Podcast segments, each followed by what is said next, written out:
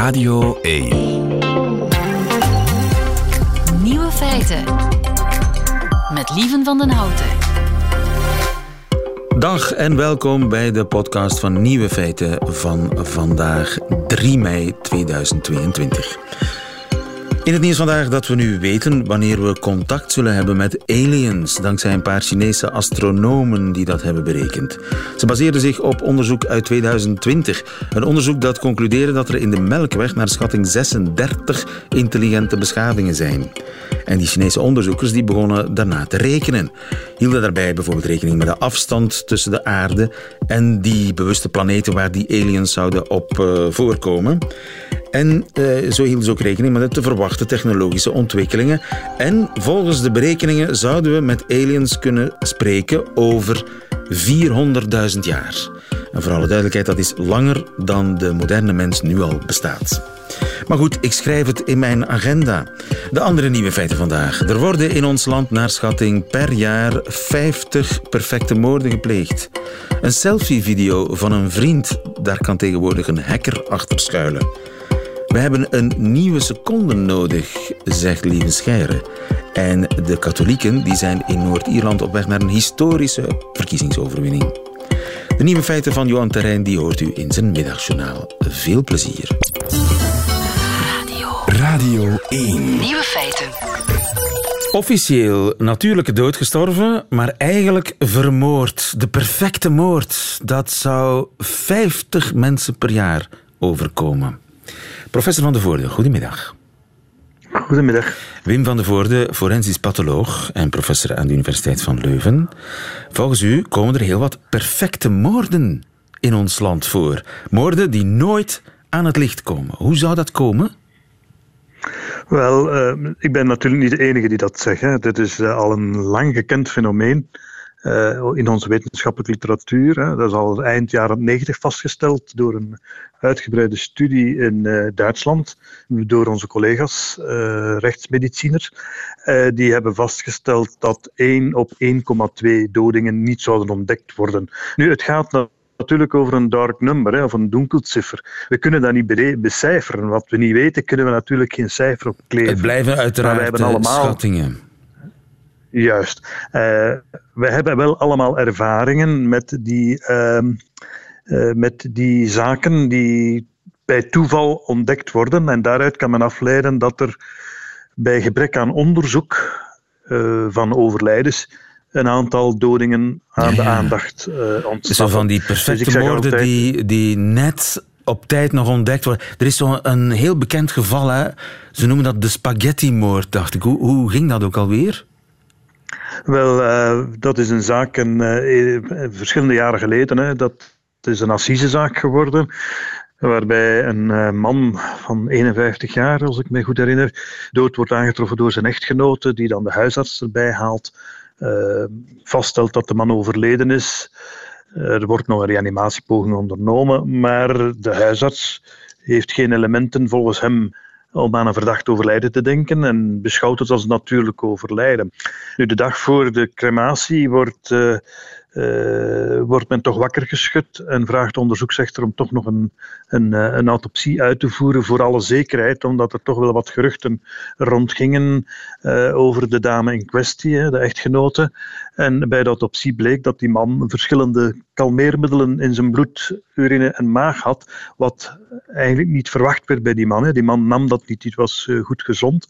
En uiteindelijk heeft zij bekend dat ze de man om het leven heeft gebracht door hem te verdoven met kalmeermiddelen uh, en dan een plastic zak over het hoofd te plaatsen. En die plastic zak heeft ze dan terug weggenomen en uh, uiterlijk was er niet veel niet veel merkbaar dat het om een doding zou gaan.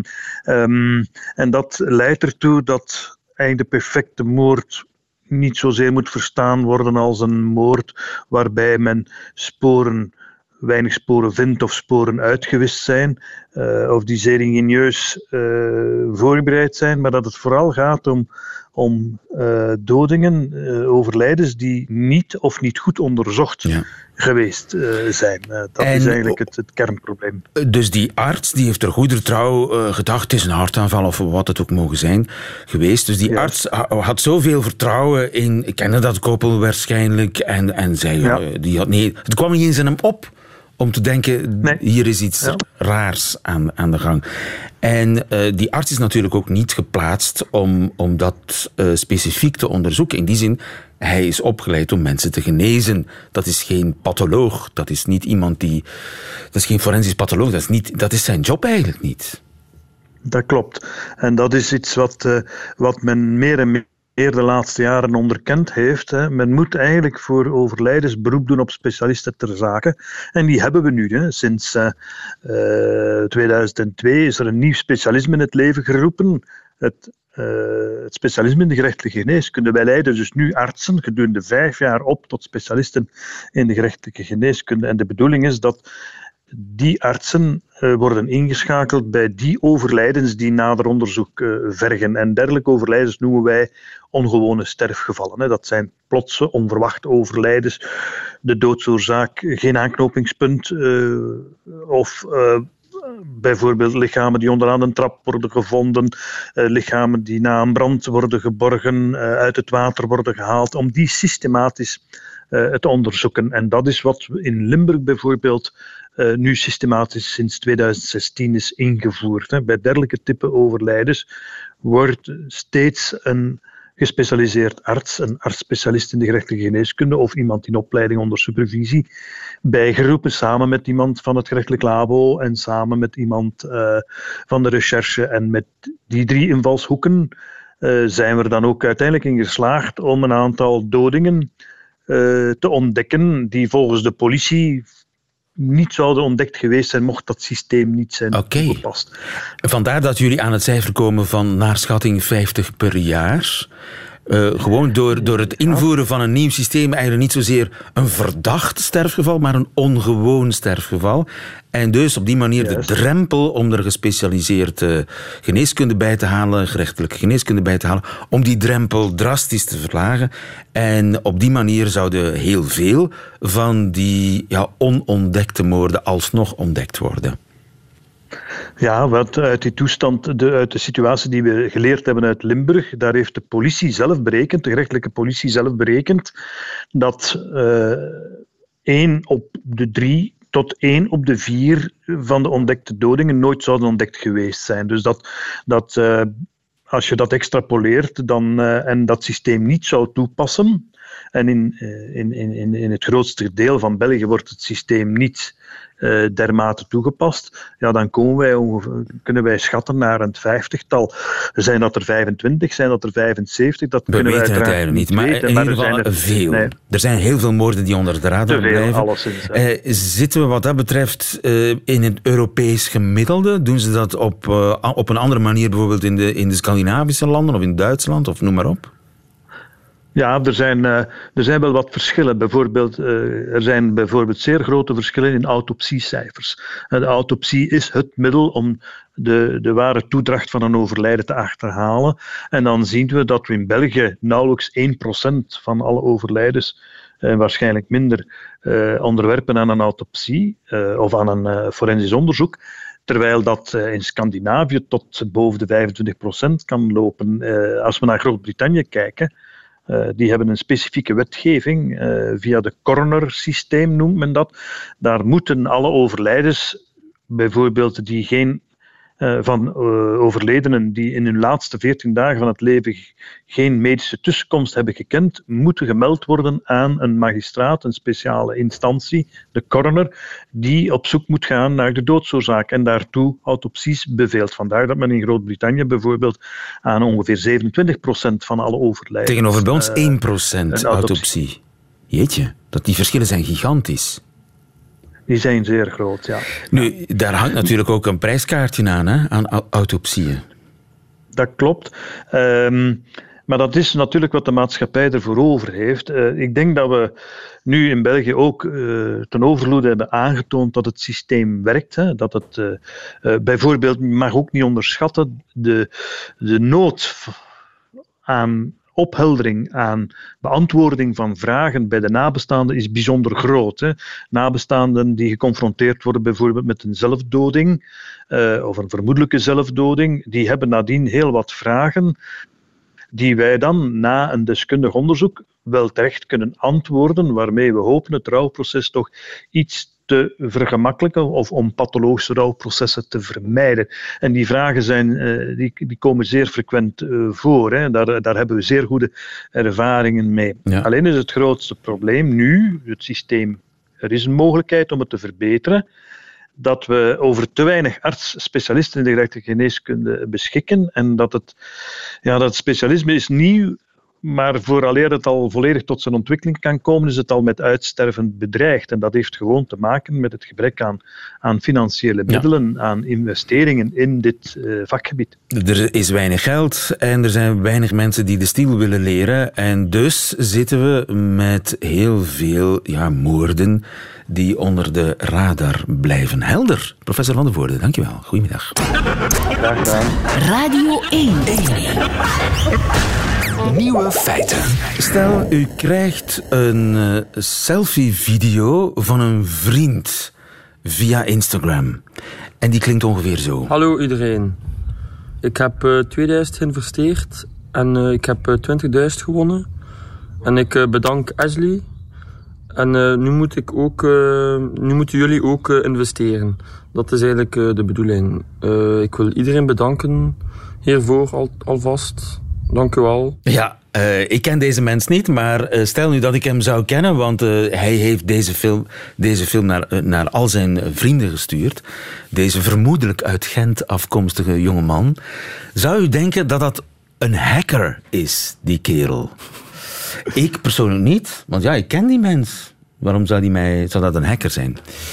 Maar toch eens aan Rien vragen. Goedemiddag, Rien en Marie. Hoi, goedemiddag. Jij bent onze nieuwe feitenchecker. Mm Is dit een hacker-checker? Ja, het, het, filmpje heeft hij zelf niet verstuurd naar al zijn vrienden. Hij heeft het ook niet zelf op zijn profiel gezet of heeft het ook niet zelf als een Instagram story gedeeld. Het was een hacker die dat heeft gedaan. Maar hij heeft wel het filmpje zelf opgenomen. Dat moet je even uitleggen. Ja. Dus het is een, een nieuw soort oplichting, fraude, die via Instagram verloopt, voorlopig vooral. Uh, het gaat als volgt. Er zijn drie elementen. Het eerste, het draait om een crypto-platform. Bitcoins die je zo gezegd in kan investeren en waar je heel rijk van kan worden. Dat, is het, dat wordt je voorgehouden. Het tweede is dat je moet zo'n video maken waarin je zegt van ah, ik heb heel veel uh, geld gewonnen door mijn investeringen daar. Ik, heb dus ik, word er ik, ik, word er door die mensen ja. maar ik heb die winst niet gemaakt. Nee. Maar je wordt wel overtuigd dat je hem gemaakt hebt. Men toont je screenshots. Je, ah, hebt, een, je hebt een profiel aangemaakt op zo'n op zo'n site. Ik ben erin getrapt. Ik denk, ik heb 20.000 euro gewonnen door uh, een klein bedrag te investeren. Het enige wat ik moet doen voor die mensen die mij dat, uh, dat die winst hebben geregeld, die voor mij die winst hebben geregeld, is een filmpje opnemen. Zo ja. hey, ik ben blij, ik heb 20.000 euro gewonnen. Ja. ja dat, dat, doe ik, domme, domme kip als ik ben. Dat doe je. En wat er dan gebeurt is, je wordt gehackt. Dus je Instagram-account wordt gehackt op een courante manier, zoals dat altijd gebeurt, met een valse inlogpagina of met... Uh, men Hackers kunnen dat. Ja, men raadt je aan om uh, de contactgegevens in je profiel te veranderen en daarmee kunnen de hackers dan aan de slag om je account te hacken. Uh, er zijn gewoon valse pagina's die lijken op de Insta Instagram login-pagina en je vult daar onvermoedend je, je login en je paswoord in en men leest die en men, men hackt je account. Je bent hem kwijt.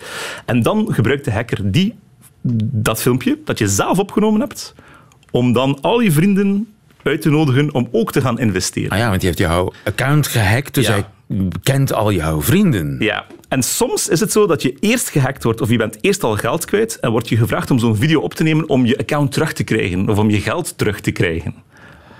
Een echte gijzelvideo, zo is het echt. Maar natuurlijk, doet men, natuurlijk krijg je je account niet terug en krijg je je geld nooit meer te zien. En men probeert dus, ja, men spreekt dan iedereen die die, die video liked, uh, krijgt zeker een berichtje van de hackers Om te zeggen, ah, was je geïnteresseerd in die investeringsmogelijkheid? Uh, ah, kijk, je moet gewoon daar een kant maken. En zo is, is de sneeuwbal die rolt verder en verder. Verschrikkelijk. Ja, ja. Dus al zes maanden aan de gang. Uh, eerst in Amerika en in, eerst in uh, Groot-Brittannië en in Australië, vorige maand nog. En nu dus, vorige week, hebben we de eerste geluiden gekregen, onder andere van onze vriend. Oh, hij is een klokkenluider. Hij ja, is zelf naar jou gestapt. Niet naar mij, naar de inspecteur, de collega's van Radio 2. collega's. Ja. en zij, zij hebben daar de bal aan het rollen gebracht, nog getuigenissen verzameld. We hebben tussen nog al ja, tientallen mensen, ook in ons land, die hiervan het slachtoffer zijn geworden. Dus je kunt zonder het te beseffen als hacker ingeschakeld worden door een echte hacker. Ja, je, je wordt zelf ingeschakeld. Allee, hacken en oplichting draait om vertrouwen. Je kan iemands vertrouwen proberen winnen op het internet, maar dat duurt zeer lang. Als je natuurlijk iemand kan aanspreken vanuit een gehackt profiel en die gelooft al dat je zijn vriend bent... Ah, die kent hem. Ja, dan, uh, dan is het vertrouwen er meteen. En zo lukt het veel beter om mensen in de val te lokken. En zeker dan als je zo'n selfie-video hebt van ja, waarom zou je die opgenomen hebben? Maar er zijn daar goede redenen voor ook. En het gebeurt echt... het gebeurt heel courant de laatste tijd. En iedereen kan er echt in trappen. Uh, er zijn al veel mensen Er zijn al veel mensen ingetrapt. En dan zijn sommige mensen zijn te beschaamd om er vooruit te komen. En zeggen van ja, die video dat was een, een deepfake video, dat was ik niet. Maar het is wel Het kan ook vriendschappen kapot maken, hè? Want oké, okay, ja, Instagram vrienden zijn niet noodzakelijk close, maar het kan, hè? Ja, men denkt dan van ja, ik heb hier meegeholpen eigenlijk aan het oplichten van mijn eigen vrienden, die er dan ook ingetrapt waren door die video, et cetera. Dus, maar het is goed dat die man naar, naar, naar Radio 2 is gestapt om, uh, om dat aan te klagen. En nu hopen we dat iedereen weet van als iemand u vraagt om een video op te nemen, doe het niet. Doe het niet. Doe, doe het niet. niet. Ook niet om je account terug te krijgen of om je geld terug te krijgen. Het zal nooit gebeuren. Ja. Je geeft alleen extra munitie aan die hackers om de oplichtingspoging geloofwaardiger te maken. Ja, want eh, tot nu toe waren er boodschappen, hè, geschreven ja. boodschappen van papa, ik heb een nieuwe bankrekening. Voilà, dat bestond wil je, al. Wil je daar snel uh, 10.000... Dat bestond al. Maar nu is er eigenlijk een versie denkbaar waarbij die zoon zelf... Ja min of al dan niet met deepfake, of al dan niet uh, onder, onder druk of in de val gelokt, ja. die, doet, die, ja, die, die ongewild het instrument wordt van hackers. Voilà. Wat een wereld. Wat een wereld. Rien en Marie, dankjewel. Goedemiddag.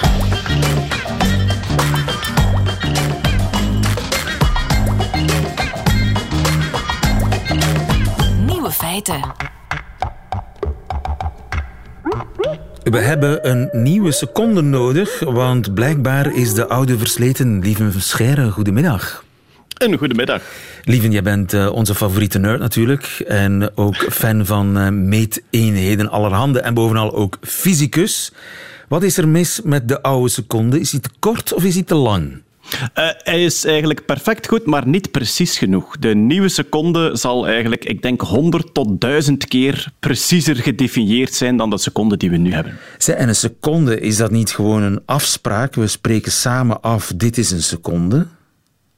Ja, dat klopt, maar uh, die afspraak die is een beetje in de problemen gekomen door onze moderne technologie. Omdat eigenlijk, zou je kunnen zeggen, goed, alles begint met wat is een dag, hè? Van, van de middag tot de middag, dat is 24 uur. En dan deel je dat verder op in minuten en seconden. Dus je kan eigenlijk een seconde definiëren als een zoveelste deel van een volledige dag. Het probleem is, omdat onze metingen nu zodanig goed zijn, dat wij al heel lang kunnen zien dat de daglengte niet constant is. De aarde die draait eigenlijk constant een beetje trager. We worden afgeremd door het eb en vloed en door de maan. Maar dat is Met heel miniem, hè? Dat is heel miniem. Maar het gevolg zou zijn, als je vasthoudt aan die definitie, dat een seconde eigenlijk over 100 of over 1000 jaar langer is dan onze seconde van nu. En dat wil je niet echt, omdat in de natuurkunde wil je een seconde kunnen ja, beschouwen als ja, de, de vervaltijd van een atoom. Er zijn heel veel natuurkundige processen die die seconde nodig hebben, zonder dat die verandert doorheen de tijd. Dus hebben ze in de jaren 50 gezegd, oké, nieuwe definitie, we gaan nu kijken naar de trillingen uit de straling die uit een cesiumatoom kan komen. En dat ding trilt, um, dat heeft een frequentie van uh, ja, 9 miljard keer per seconde. En die is zo goed als we weten, voor zover we weten, eigenlijk constant over het hele universum en over de hele tijd. Dus we gaan gewoon de seconde definiëren als 9 miljard en nog iets van die trillingetjes van die straling uit het cesiumatoom. Dus zoveel trillingen, dat is een seconde? Van dat precieze machine. Maar dat machine is een beetje verouderd. We hebben een nieuwe machine ja. intussen. Ja, inderdaad. Dus dat is de atoomklok zoals we ze nu kennen, hè, eh, gebouwd in de jaren 50. Maar natuurlijk, ja, die, die ingenieurs en die wetenschappers die doen al maar verder. En die zijn nu al een tijdje bezig met nieuwe atoomklokken, waarvan de straling dus, in plaats van die 9 miljard keer per seconde, dat die eigenlijk ja, 1 biljoen of meer keer per seconde zou trillen. Dus wat je dan eigenlijk krijgt is, laat ons zeggen, je hebt, je hebt altijd afstand gemeten met een lang touw waarbij om de meter een knoop lag. En nu stappen we over naar een lintmeter waar ook de millimeters op staan. En daarom hebben we een nieuwe definitie nodig. Die oude definitie van 9 miljard keer per seconde is niet meer precies genoeg. Die nieuwe klokken kunnen zodanig veel preciezer een seconde meten, dat die eigenlijk ja, gebruikt gaan worden om een nieuwe definitie te maken. Dat is onze fijnere meetlat met de millimetertjes erbij. En weten we al welk machientje dat we gaan gebruiken om die nieuwe seconde te definiëren? Nog niet, omdat eigenlijk, het is nog volop in onderzoek. Die, die atoomklokken die we, die we kennen van de jaren 50, die worden eigenlijk, ja, je zou kunnen zeggen, aan de lopende band routinematig geproduceerd. Die zitten in satellieten, die worden gebruikt in onderzoek enzovoort. Die nieuwe klokken nu, er zijn er nog maar een paar tientallen, denk ik, en dat zijn allemaal onderzoeksprojecten. Dus de komende jaren zijn nog een beetje nodig om te gaan kijken welke van die nieuwe optische atoomklokken, zoals ze genoemd worden, zijn nu de beste?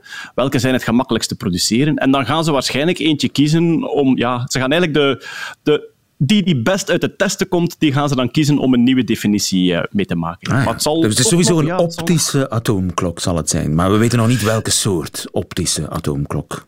Ja, en ze noemen die optisch omdat de golflengte van, van die straling ligt in het optisch licht. Dus het licht dat wij kunnen zien en de vorige lag in het infrarood.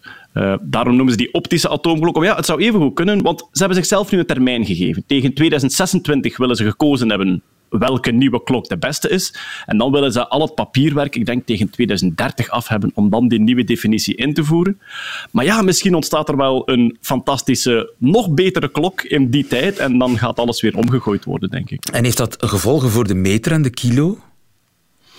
Wel, um, voor ons dagelijks leven niet, maar al die eenheden zijn eigenlijk gekoppeld aan elkaar. Hè. Vroeger had je ja, er lag vroeger in Parijs een titaniummeter en dat was de definitie van de meter. En er lag een, een blokje van 1 kilogram en dat was de definitie van de kilogram. Daar wilden ze vanaf, dus ze hebben er eigenlijk voor gezorgd dat je op basis van de seconde heel veel andere eenheden kan berekenen. Bijvoorbeeld de seconde is eigenlijk de basis van alle andere eenheden. Ja, op basis van een seconde kan je zowel de, de kilogram als de meter en nog andere dingen berekenen. Omdat ja, de lichtsnelheid is ook constant. En als je een constante seconde hebt en een constante lichtsnelheid, dan kan je de meter definiëren aan de hand van de afstand die het licht aflegt in een zoveelste van een seconde, wow. bijvoorbeeld. Dus... Eens dat je een meter hebt, ja, kan je ook, en dat is dan een beetje technisch, ze hebben, ik denk twee jaar terug, hebben ze de kilogram gedefinieerd op basis van de constante van Planck. En de constante van Planck is iets uit de kwantummechanica, waar zowel een kilogram een meter als een seconde in zit. Maar als je die seconde en die meter al hebt door de vorige definities, volgt dus ook de kilogram uit de seconde. Juist, ja. Dus als de seconde aangepast wordt, preciezer wordt, dan moet, moet alles aangepast worden. Ja, ik denk dat iedereen een nieuwe weegschaal zal moeten kopen met meerdere getallen na de komma. Om toch een beetje correct te blijven. Ja, uh, zoveel miljard cijfers na de komma, eigenlijk. Daar, ja, da daarover ja. hebben we het. Maar dat is wel van belang voor ja, experimenten zoals in CERN of zo, of met die deeltjesversnellers. Neem ik aan. Goh, maar, en wel, maar da daar word ik dus enthousiast van. Het feit dat wij de seconde nodig hebben tot preciezer dan een 10 miljardste, wil ook zeggen dat we hele boeiende wetenschap daarmee aan het bedrijven zijn. Want eens dat je met die tijdspannen zit, zit je ja, met kwantummechanische effecten, subatomaire effecten. In CERN bijvoorbeeld bestaan er... Er zijn deeltjes die daar ontstaan en onmiddellijk verdwijnen. En die korter dan een miljardste van een seconde bestaan. Dus die wil je dan nog preciezer kunnen meten. Ja. En wat ik ook wonderlijk vond, dus ze, waren dat, ze zijn dat onderzoek nu aan het doen met die meerdere optische atoomklokken. En op een bepaald moment hadden ze een probleem, want ze probeerden ja, meerdere klokken gelijk te laten lopen en het lukte niet. Die klokken hadden een heel klein verschilletje. Ze hebben dat heel lang onderzocht en uiteindelijk zijn ze erachter gekomen. Het kwam omdat één klok enkele centimeters hoger stond dan de andere. Allee. En door de, door de verminderde zwaartekracht van een paar centimeter hoger te staan, zag je al een verschil in de tijd. Door de relativiteit, hoe groter de zwaartekracht, hoe trager de tijd. Die nieuwe optische atoomklok kan tot op een paar centimeter meten hoe hoog ze staat. Jeetje. Wat, uh, wat een spannende wereld toch, die van de theoretische fysica. Ja, ja. Uh, en, wat is nu toegepaste fysica zelf, stel je voor. Toegepaste fysica bij het onderzoek naar theoretische fysica, zoiets. Ja, ja, ja zeker. zeker ja. Hoe dan ook, daar zitten ze te wachten op die geüpdate seconde. Uh, dat zal nog wel een tijdje duren, maar dat we er een nodig hebben, omdat we er nog met een seconde zitten van de jaren 50, dat uh, is duidelijk geworden. Dankzij Lieven Scheire, dankjewel daarvoor. Goedemiddag. Met plezier. Radio 1. Nieuwe feiten. Lieven van den Houten. Noord-Ierland, hoe lang bestaat dat nog? Ik vraag het mij af als ik de peilingen zie. Overmorgen zijn er verkiezingen in Noord-Ierland. En voor het eerst, volgens mij, liggen de katholieken ruim op kop. Peter van der Meers, goedemiddag. Goedemiddag. Peter, je bent uh, ex-hoofdredacteur van De Standaard en van NRC, vandaag uitgever van kranten in Ierland, waaronder de Belfast Telegraph. Dus jij pendelt een beetje tussen Dublin en Belfast. Klopt. Dat doe je al een jaar of drie. Je kent het land, beide landen, want het zijn eigenlijk vooralsnog aparte landen. Zij het dat Noord-Ierland bij het Verenigd Koninkrijk hoort. Uh, je kent die beide gebieden zeer goed. De peilingen, we moeten er voorzichtig mee zijn. Maar uh, Sinn Féin wordt wellicht de grootste partij. Nu, Sinn Féin, dat was toch ooit de politieke vleugel van het Iers Republikeins leger, hè? Ja, precies. Dus uh, we moeten altijd oppassen in journalistiek met uh, woorden als historisch. Maar er kan iets historisch gebeuren overmorgen. zoals je weet of niet weet, Noord-Ierland bestaat nog maar 100 jaar. In 1921 was er de splitsing. kreeg je hier in het zuiden wat later de Republiek Ierland werd. En kreeg je dus in het noorden ehm, zes counties, zes graafschappen die bij het Verenigd Koninkrijk bleven Noord-Ierland. En Noord-Ierland um, is uh, altijd overwegend protestants uh, geweest. Uh, zeker de oudere luisteraars zullen zich herinneren dat in de jaren 70, 80, 90 heel veel troubles, 3000 doden, hele grote spanningen tussen katholieken Bloody en Sunday, protestanten. Hè? Sunday, Bloody Sunday, Bloody 1972. Sunday, net, net, 50 jaar geleden in, in januari, 13 burgers die doodgeschoten werden in, in Derry door het katholieke burgers door het, uh, het Britse leger. Um, uh, maar goed, dat eindigt in 1998 met het Goede Vrijdagakkoord, de Goede Vrijdagakkoorden, die eigenlijk voor min of meer vrede in Noord-Ierland zorgen. En daarin, in dat akkoord, wordt bepaald dat er een parlement komt in Noord-Ierland en daarvoor wordt er nu gekozen overmorgen.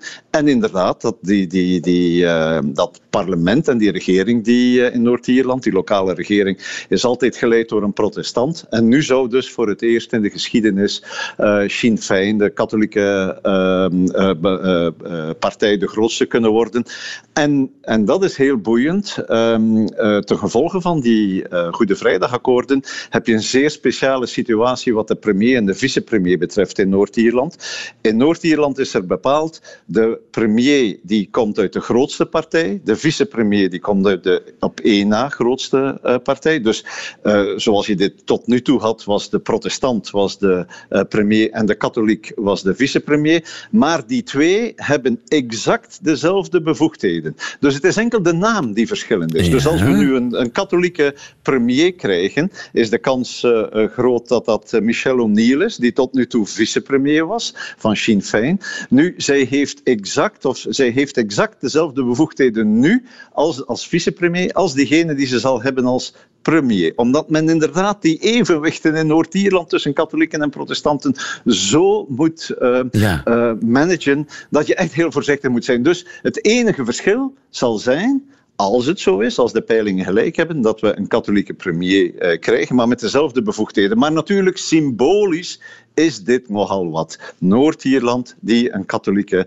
uh, uh, prime minister zou. zou ja, en krijg je dan een, een protestantse vicepremier? Dan krijg je een protestantse vicepremier. Nu moet je weten dat de uh, eh, DUP, dat is de grootste protestantse partij, de partij van ook oudere luisteraars zullen zich uh, dominee Peisling nog wel uh, herinneren. dat is de partij die zeer ooit heeft... ja, een, een zeer rabiate katholieke vreter, papenvreter, al vele jaren geleden overleden. Maar zijn partij, de DUP, die nu de premier levert, zou dan de vicepremier leveren. En de vraag is, en daar hebben ze zich nog altijd niet over uitgesproken, de protestanten, of ze dit wel willen. Um, want het is natuurlijk niet niets uh, voor hen. Uh, uh, zij, de, de, de, de protestanten, hebben het heel lastig om die job van premier af te staan en eventueel hoewel de bevoegdheden dezelfde zijn, enkel vicepremier te, uh, te mogen zijn. Dus de, de, de kans bestaat dat we na donderdag, vrijdag zullen de, de stemmen geteld zijn, we zullen vrijdagavond een zicht hebben, vrijdagmiddag, vrijdagavond een zicht hebben hoe de situatie is, dat we in een hele moeilijke uh, situatie terechtkomen als inderdaad de, de protestanten zouden weigeren. Maar ik vind het zo raar, omdat je geloof bepaalt hoe je stemt.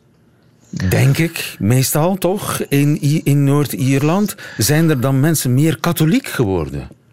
Uh, er zijn, uh, de demografie uh, spreekt, of speelt zeer tegen de protestanten. Er zijn steeds meer katholieken in Ze maken meer kindjes. Katholi katholieken hebben meer kinderen. En de, de, overigens is de eerste, het eerste deel van jouw stelling heel boeiend geloof bepaalt hoe je stemt. Dat was heel lange tijd zo. Maar een tweede iets wat we donderdag zouden kunnen zien, is dat de Alliance Party, die een, een partij is die in het midden zit, en die ooit uit uh, protestanten kwam, ooit de uh, unionistische partij, maar die eigenlijk een partij is die zegt, jongens, het gaat niet meer over protestant of katholiek, het gaat over jobs, het gaat over gezondheidszorg, het gaat over huizen, het gaat over... Uh, dat die partij heeft het in de vorige verkiezingen al behoorlijk goed gedaan Aha. en doet het nu in de pijl ook wel heel goed. En dus dat is, en in mijn ogen, um, een zekere hoop voor Noord-Ierland. Die partij zal niet de grootste worden. Maar er was bijvoorbeeld vanochtend al een peiling die zei: die partij zo in plaats van de, de ik geloof dat ze nu de vijfde zijn, zeker de derde en misschien al zelfs al de tweede plaats. Dus misschien leveren zij dan wel die vicepremier. Dat is nog allemaal speculatie natuurlijk. Ja, dat, ja, dat, dat, zal, dat zal ongetwijfeld uh, wel anders, uh, want je zal altijd een katholiek en een protestant in, de, in, de, uh, in het ambt van premier premier uh, moeten, uh, moeten hebben. Dus, uh, maar het, het zegt wel iets over, over hoe belangrijk die verkiezingen donderdag zijn en hoe duidend ze kunnen zijn voor dingen die aan het veranderen zijn ja, in Noord-Ierland. Heeft de populariteit van Sinn Féin, heeft dat ook te maken met de brexit?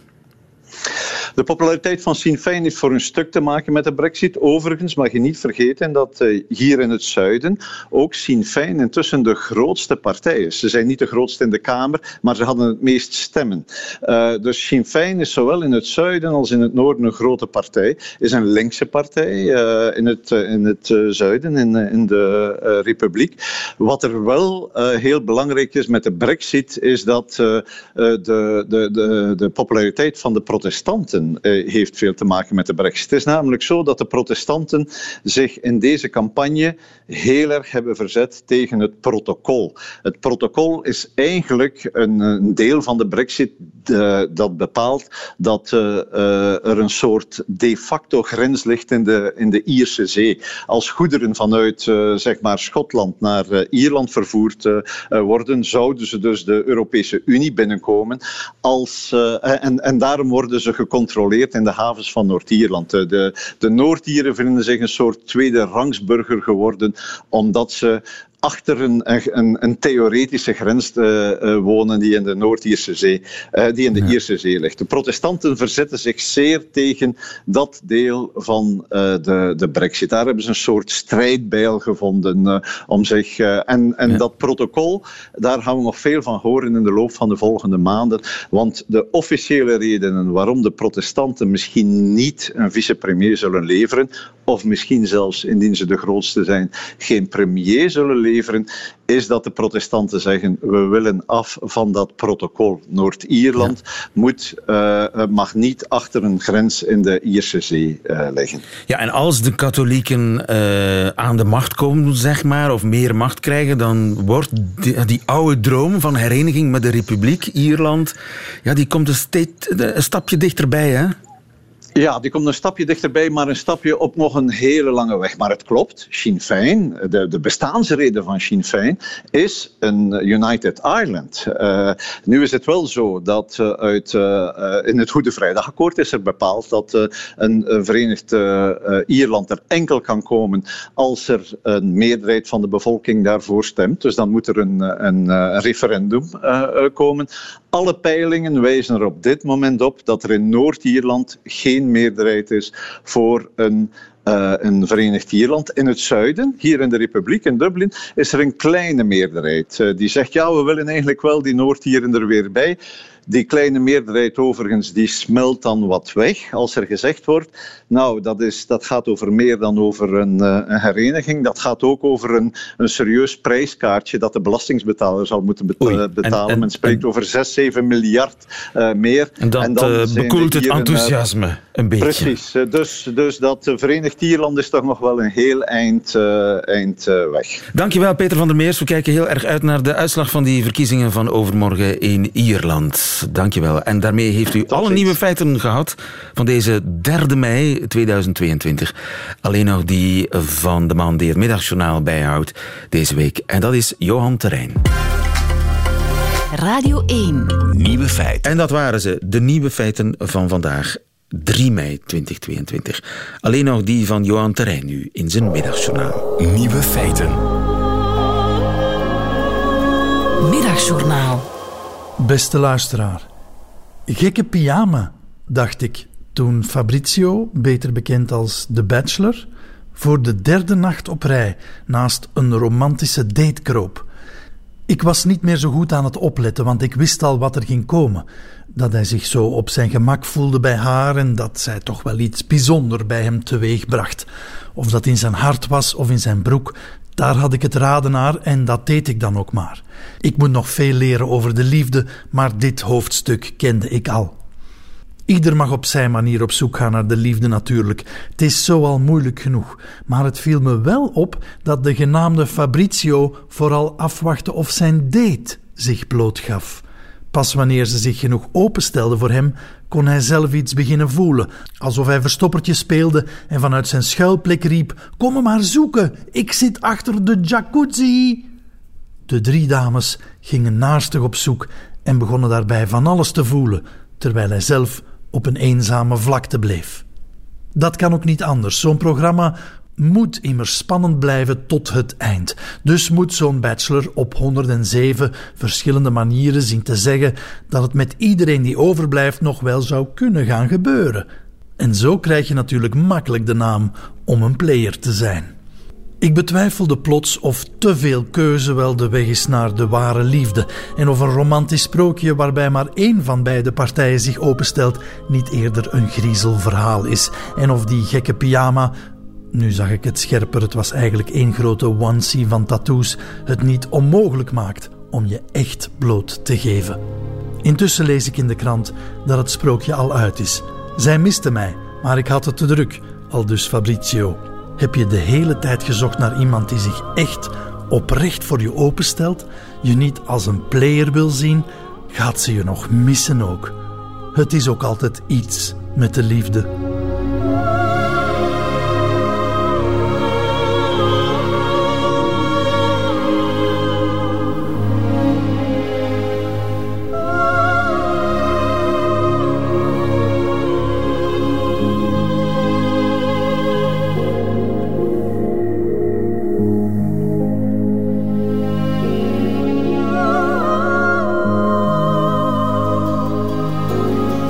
Het Middagjournaal met Johan Terrein. Einde van deze podcast. Doet u liever de volledige nieuwe feiten met de muziek erbij.